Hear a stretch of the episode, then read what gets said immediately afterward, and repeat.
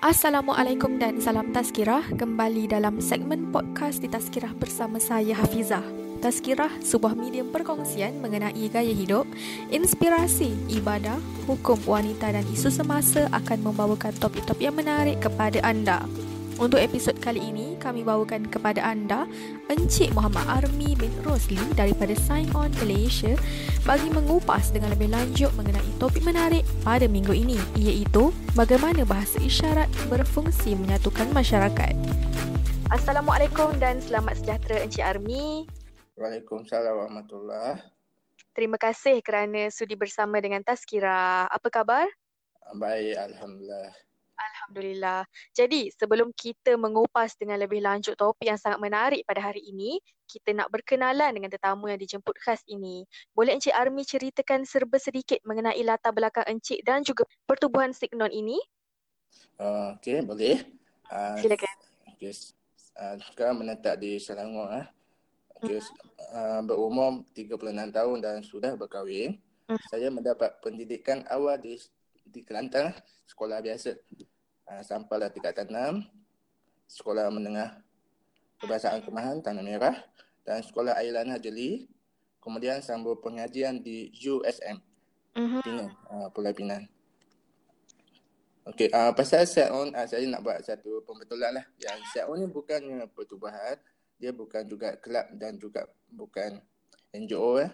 Uh, set on ni merupakan satu orang panggil sebagai persendirian uh, yang kami suka nak menyebarkan bahasa isyarat kepada semua. Uh, macam itulah. Mm-hmm. Jadi setakat ni apa usaha yang dah pun dilakukan oleh Saion ni dan pencapaian yang mungkin sedikit sebanyak membanggakan Encik sendiri? Okey. Uh, kami bermula pada tahun 2013. Uh-huh.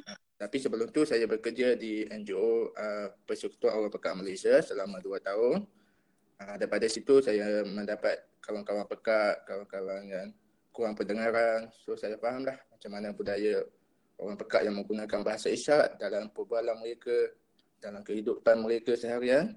Okay, daripada situ, bila saya dah berhenti kerja 2013 tu, saya mengambil keputusan untuk membantu untuk me, apa untuk menyebarkan lebih luas lagi uh, bahasa isyarat ni kepada semua. Daripada mm-hmm. okey daripada situ uh, saya bermula uh, daripada dari situ saya bermula daripada dengan jemputan daripada orang yang berminat nak belajar bahasa isyarat waktu okey waktu itu saya masih keseorang berseorang lah. Uh, keseorangan uh, seorang-seorang yang buat. So daripada tahun saban tahun dia berkembang dan tahun 2017 uh, baru-baru tahun lepas lah eh. Dua tahun lepas uh, baru saya buat kepada semua untuk orang belajar bahasa isyarat. Satu bulan satu kali. Uh, macam itulah yang saya boleh buat. Sehinggalah sampai sekarang uh, saya buat masih buat secara percuma untuk mereka semua. Untuk pencapaian biasanya jemputan lah. Uh, pencapaian tu saya tak boleh nak ukur sangat sebab kita mengajar bahasa isyarat kepada semua. Tapi ada juga yang datang belajar. Bila dah balik rumah mereka jumpa OKU pekat yang kurang pendengaran okay, akhirnya mereka dapat berkomunikasi lah tanpa halangan. Begitu juga dengan yang program jemputan ada pihak daripada pelbagai pihak lah. Mereka menyediakan staf mereka ke, untuk didedahkan kepada bahasa isyarat. Ha, daripada situ mereka dah boleh bercakap menggunakan bahasa isyarat untuk memberikan khidmat kepada pelanggan yang berkaitan lah. Ha, macam itulah. Uh, memandangkan kita ada kemudahan teknologi seperti telefon pintar dan pelbagai aplikasi yang dicipta untuk digunakan oleh golongan ini. Um, contohnya kalau tak boleh type, kita boleh rekod suara atau kalau tak boleh bercakap, kita boleh menaip saja. Jadi apa sebenarnya kepentingan kita mengetahui bahasa isyarat sebenarnya? Boleh Encik simpulkan sedikit? Okey, boleh. Uh, masyarakat kan uh, ada yang kebanyakan dia tidak tahu uh, ada orang orang peka yang menggunakan bahasa isyarat eh. Okey jadi pada situ uh, kita buat seperti ini untuk mereka belajar dan mereka faham pasal orang peka pun mm-hmm. ada bagaimana cara untuk bercakap dengan mereka iaitu menggunakan bahasa isyarat.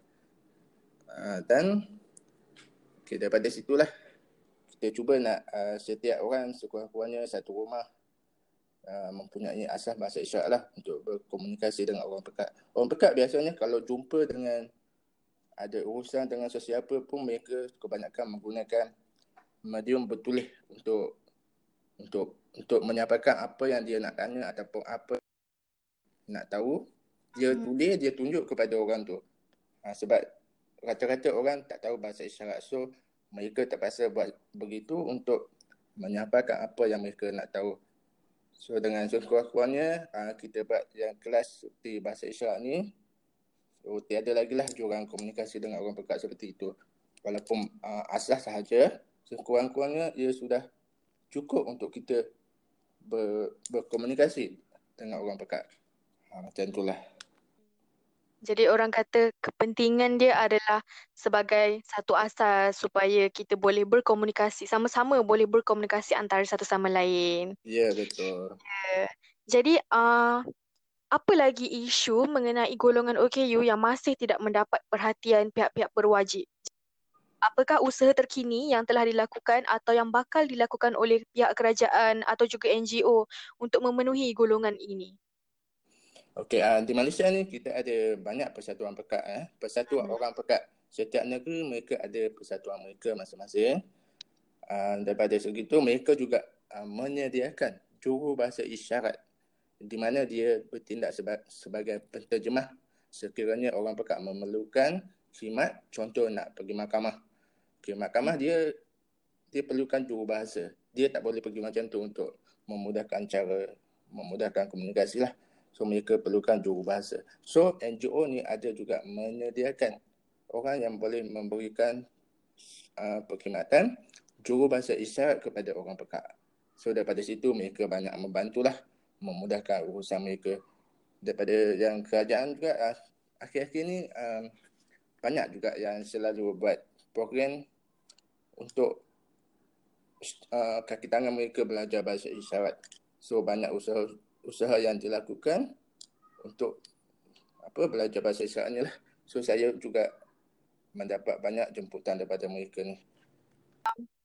Kita lihat sekarang mungkin masih lagi ada beberapa ataupun segelintir golongan orang kelainan upaya ni yang rasa tersisih, rasa tak diberi perhatian disebabkan kekurangan mereka sendiri. Jadi sebagai orang yang hidup bermasyarakat, orang yang normal seperti kami, apa peranan yang boleh dilakukan oleh kita semua untuk orang kata sama-sama berkomunikasi dengan mereka?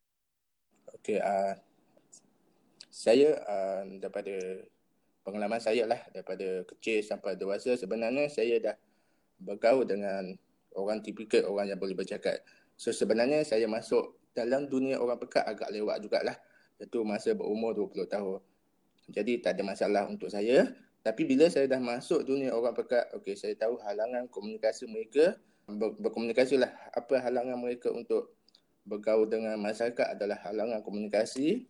Selain diri mereka juga ada yang rendah diri, malu, uh, segan nak berjumpa, bergaul dengan orang ramai. Mm-hmm. So the, uh, apa yang boleh masyarakat buat adalah mereka mengambil tahulah apa itu orang pekat dan bagaimana mereka berkomunikasi. So daripada usaha yang saya lakukan untuk mengajar bahasa isyarat kepada semua, salah satunya adalah untuk memudahkan untuk mem, apa untuk memudahkan orang pekat uh, dengan cara mengajar orang biasa bahasa isyarat.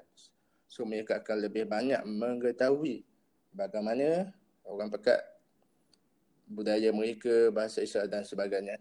So kita bantu daripada segi itulah. Orang uh, sekarang ni pun rata-rata kesedaran dia dah dia dah semakin meluas. Orang pun dah makin tahu.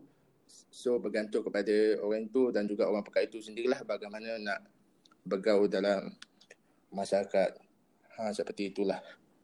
Uh, saya simpulkan tadi jawapan Encik ialah yang paling penting masyarakat sendiri kena ada kesedaran untuk membantu golongan ini supaya mereka tidak rasa tersisih dan tidak rasa merendah diri. Ya, betul. betul. Jadi bagaimana cara untuk memperkasakan golongan ini? Okey, uh, kalau yang contoh kalau yang kita sebagai golongan ini banyak yang tercicir daripada segi dari segi pekerjaan, peluang pekerjaan, peluang belajar, peluang belajar ada tapi uh, tahap pendidikan mereka masih lipat pada tahap yang masih biasa-biasa sahaja. So um, bagaimana kita nak bantu mereka adalah daripada segi kita boleh menyediakan peluang ke, pekerjaan kepada mereka. Kata-kata orang pekak sekarang dia banyak tertumpu kepada pekerjaan yang yang macam menggunakan yang tak menggunakan deria pendengaran macam di kilang-kilang pemasangan ada yang buat grab eh mm-hmm. uh, macam itulah so uh, daripada daripada situ kita boleh membantu mereka dengan menyediakan latihan yang bersesuaian dengan mereka dan juga menyediakan peluang pekerjaan yang kita rasa kita boleh uh, yang kita rasa mereka boleh lakukan. Sama juga orang orang normal yang biasa mm-hmm. macam itulah oh dari segi pendidikan setakat ni ada masalah tak? Uh, dari saya sendiri mm-hmm. okay, uh, kalau macam saya saya memakai alat pendengaran So uh, saya boleh bercakap. So daripada segi uh, segi itu saya tak menghadapi banyak masalah lah daripada orang pekak yang sepenuhnya menggunakan bahasa isyarat dan lagi yang tak boleh bercakap. Yang tu lagi banyak halangan dia. Uh, macam tu lah. Baik.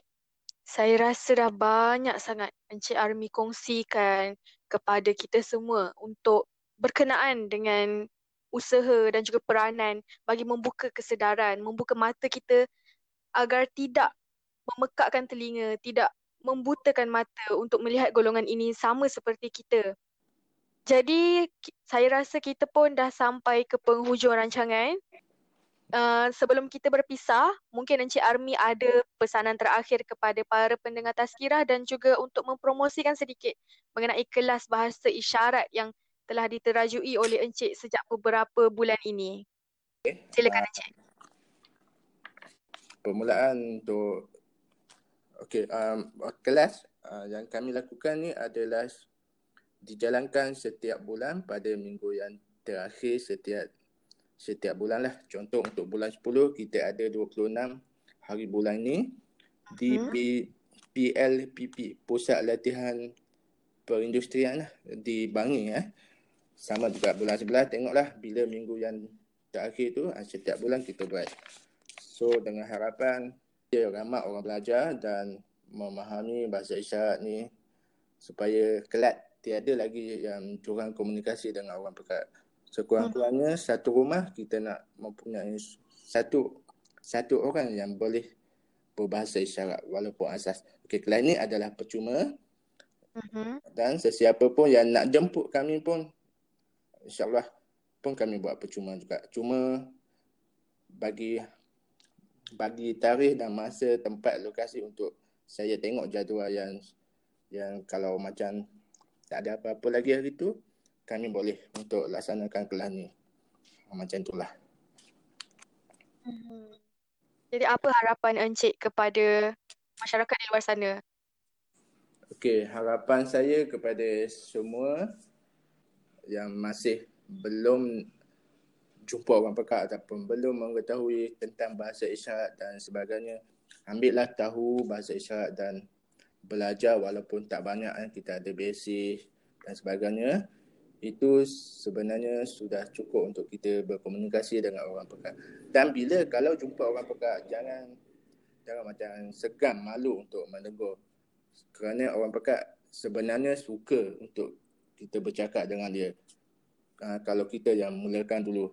Ha, kalau tahu bahasa isyarat tu, cubalah tegur orang pekat. Saya kira sudah banyak input yang dikongsikan oleh Encik Army berkenaan isu-isu golongan OKU dan keperluan bahasa isyarat. Semoga perkongsian kali ini sedikit sebanyak dapat memberi penjelasan dan pencerahan kepada para pendengar tazkirah di luar sana. Kami dari Tazkirah mengucapkan terima kasih kepada Encik Army kerana sudi meluangkan masa untuk bersama kami sejenak bagi berkongsi ilmu yang cukup bermanfaat kepada semua. Jadi, itu sahaja untuk episod podcast kali ini. Untuk lebih banyak informasi menarik, teruskan bersama kami di tazkirah.com.